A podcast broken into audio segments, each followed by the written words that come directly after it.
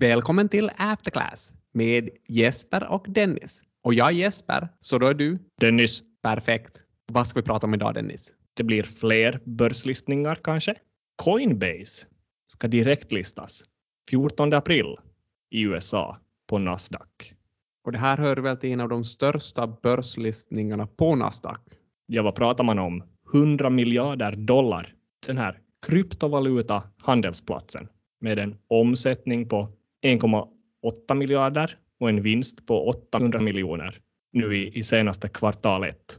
Lite roligt med den här värderingen är ju att den här värderingen är högre än värderingen för just Nasdaq. Så kryptobörsen är högre värderat än den vanliga börsen. Det låter lite intressant. Ja, men man kan också se här att marginalerna som du pratar om där, att av omsättningen så lämnar det kvar ganska mycket vinst. Så det verkar vara lönsamt att driva en kryptobörs. Ja, vad blir det där? 44 procent. Det är lite som då Jeff Bezos i tiderna sa det att till exempel bokhandlarnas feta marginaler var hans möjlighet. Your fat margin is my opportunity. Och nu säger Coinbase att our fat margin was your opportunity med hänvisning till bankerna. Ja, för man ska komma ihåg här också att banker överlag har ju inte haft så stora marginaler den här senaste tiden, eller de åtminstone har haft krympande marginaler. Och de har väl varit lite skeptiska mot krypto i allmänhet. Men det kanske svänger, vem vet? Någon annan som fick vind i seglen här på sistone var ju Janet Yellen. Vad har vi på Janet? Ja, Janet är väl finansminister i USA just nu, eller som de säger, Secretary of Treasury. Hon vill väl att, eller vill och vill, men hon föreslår att tillåta en minimibolagsskatt på 21 procent. Hon skulle alltså vilja avsluta det här race to the bottom som har pågått en längre tid här då länder sänker sina bolagsskatter för att attrahera företag till sig. Och det finns ju också så kallade skatteparadis där bolagsskatten närmar sig noll. Det kan ju vara vissa problem att det existerar sånt då andra ligger på en mycket högre nivå. Det kan ju leda till lite oönskade saker. Jo, men visst är det lite perfekt timing på det här också. För det är väl just nu som Biden försöker höja bolagsskatten i just USA till 28 procent. Så eftersom USA höjer skatten så vill väl också Janet att alla andra ska höja sina skatter också. Jo, hon har väl lite intressekonflikt. Men det här har ju varit på tapeten tidigare också.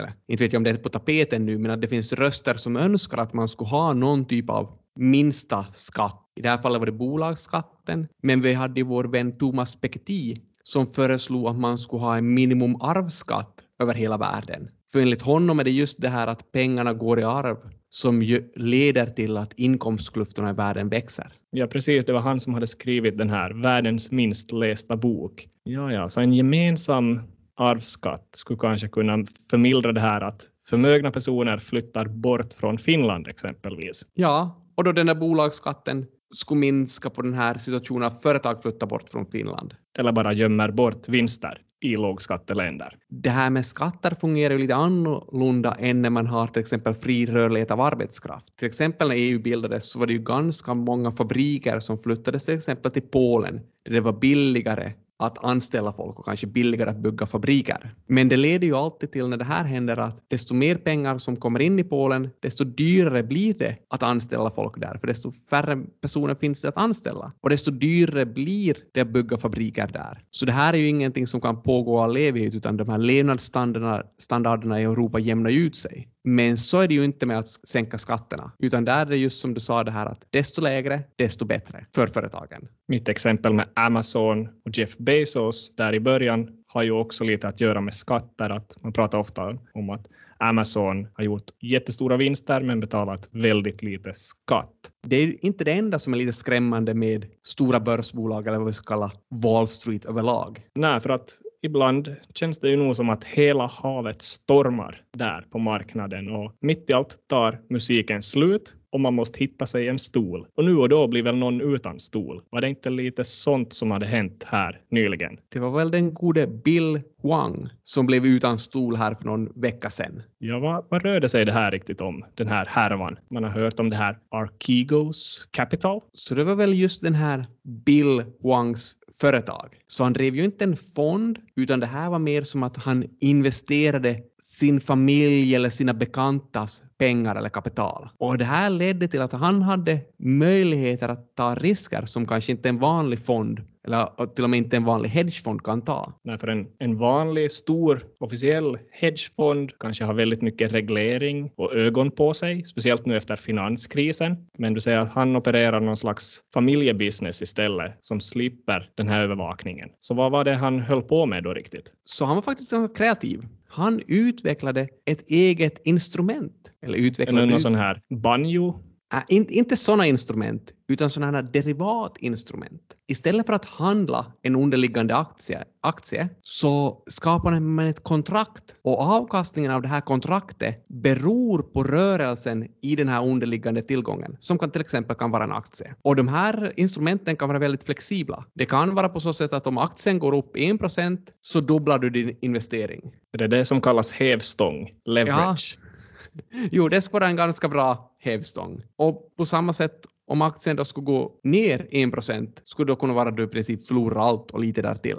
Så om jag skulle vilja börja med det här, vart ska jag vända mig? Jag tror du måste vända dig till någon riktigt stor bank och oftast så måste du ha ganska mycket kapital redan till att börja med för att de ska vilja skapa ett sånt här kontrakt specifikt för dig. Så om jag packar väskan, far till exempel till Wall Street, Manhattan, vart ska jag rikta blickarna? Är det Goldman Sachs, Morgan Stanley? Exakt sådana killar och tjejer ska du rikta in dig på. Och det var det här som Bill gjorde. Och han utvecklade faktiskt ett eget derivatinstrument som han då kallade, kallade Total Return Swap. Byggde egentligen på att han fick exponering mot aktiens rörelse, men han betalade inte ett fullt pris för det här. Det låter väldigt bra så länge det, det, det går upp. Hur låter det när det går ner? Det är lite sådär att shit go bad really fast. Och det var ju det som hände i det här fallet. Men alltså, vad jag har förstått, Bill Wang, han var inte egentligen någon nybörjare i den här branschen. Han var 57 år, eller han, han lever ju fortsättningsvis. Började sitt liv som Sung Kuk Wang, amerikaniserade sig lite sedan till Bill Wang. Och han var väl en av de här tigerungarna, är det inte så? Från den här fonden med tickern grr Ja, det var väl en av de här tigerfonderna. Men allting har väl börjat lite med den här Julian Robertson, en stor sån här hedgefondmogul. Där fick Wang ett jobb och Julian lärde i princip allt han visste. Så det är lite som i Djungelboken.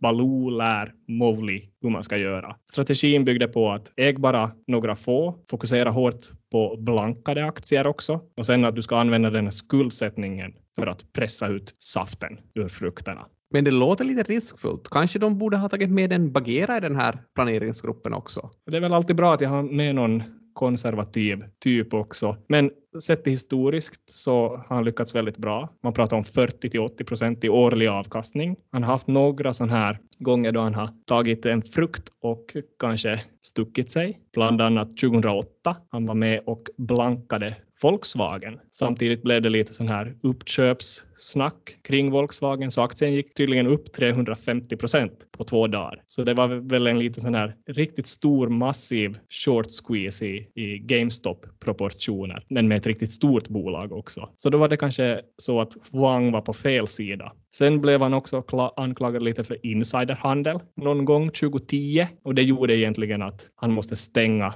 stänga den här fonden. Intressant låter det här bara på grund av det att man hör ju redan från den här historien att han har tidigare också förlorat väldigt mycket pengar. Han har blivit anklagad för insiderhandel. Han har tvingats stänga ner sin gamla fond. Hur kan det vara så här lätt för en sån här person bara att få ihop 200 miljoner dollar för att starta en ny fond? Han verkar vara väldigt smidig helt enkelt bara. Sen var han också lite religiös. Han sa bland annat 2019 att jag försöker investera according to the word of God and the power of the Holy Spirit. Hans mamma var också ganska förlåtande då, då Sankuk, eller Bill, då, berättade åt sin mamma att om den här insiderhärvan, att han måste betala några miljoner, så sa hon bara att you did well, Sankuk. Det är inget problem. Consider the amount you are paying as a tax och fortsätt sen. Så inte vet jag, en kille med flyt och sen tog det slut. Men vi har ju inte ännu berättat på vilket sätt det tog slut. Du säger då total return swaps, Goldman, Morgan Stanley, sån här stora spelare var inblandade. Och vad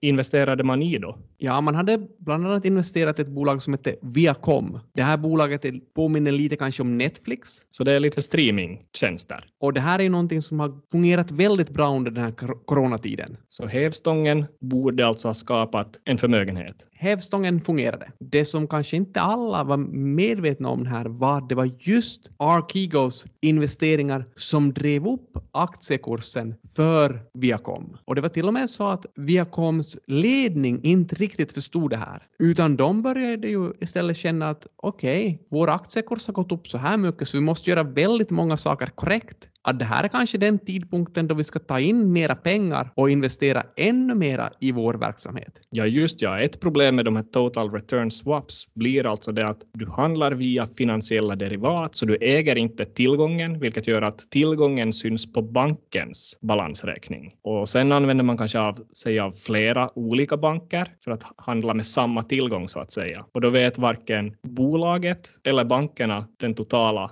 andelen. Vet helst Bill själv det? Bill borde ha haft åtminstone en bättre bild än bankerna. Men vi ska komma ihåg att det här resulterade i att Bills fond hade en exponering på 100 miljarder mot det här företaget Viacom. Det låter ganska brutalt. Och sen säger du att Viacom börjar investera, eller de vill ta in nytt kapital och vill investera, fast det kanske inte är bästa idén. Vad händer då? Blir det krismöte? Ja, det blir väl krismöte för att egentligen finns det ingen som vill ge Viacom nytt kapital. Ja, ja, så vi har de här storbankerna som direkt äger de här aktierna och sen ska det in nytt kapital. Så de vet kanske att priset kommer att gå ner. Så de kanske vill börja göra sig av med lite tillgångar då också. Ja, och de kanske också förstår att när de börjar göra sig av med de här tillgångarna så kommer priset att gå ner ännu mera. Och den som ska betala för all den här nedgången, det är Bill. Ja, för han har en hävstång då på någonting gånger fem. Så då börjar det plötsligt bli ganska intressant att se, okej, okay, hur mycket pengar har Bill i sin kassa och hur många hinner få tillbaka sina pengar före Bills pengar är slut?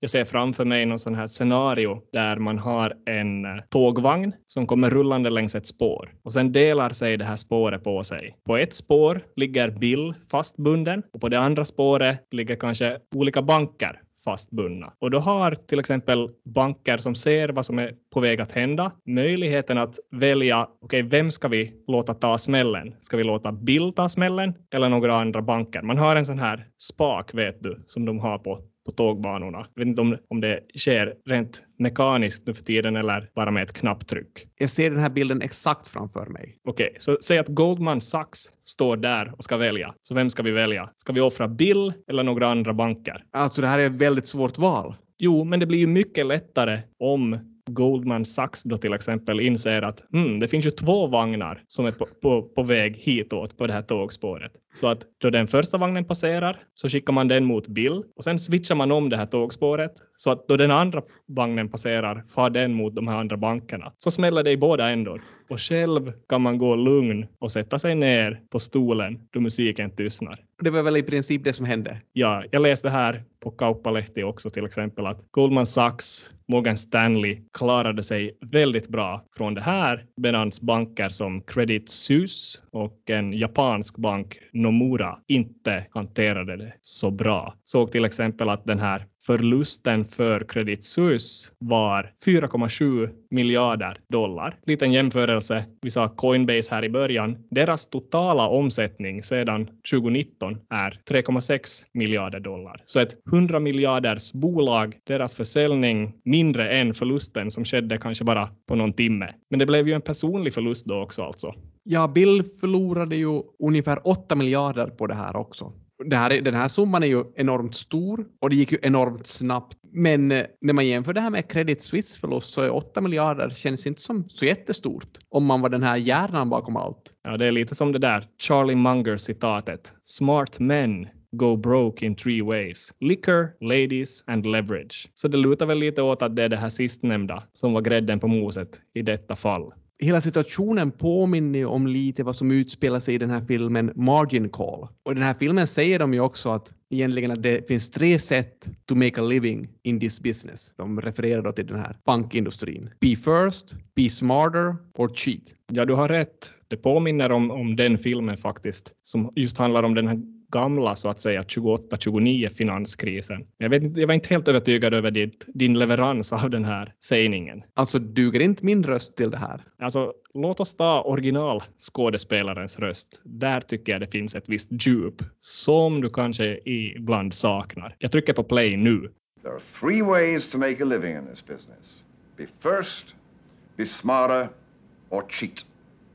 No, I don't cheat. And although I like to think we have some pretty smart people in this building, it sure is a hell of a lot easier to just be first.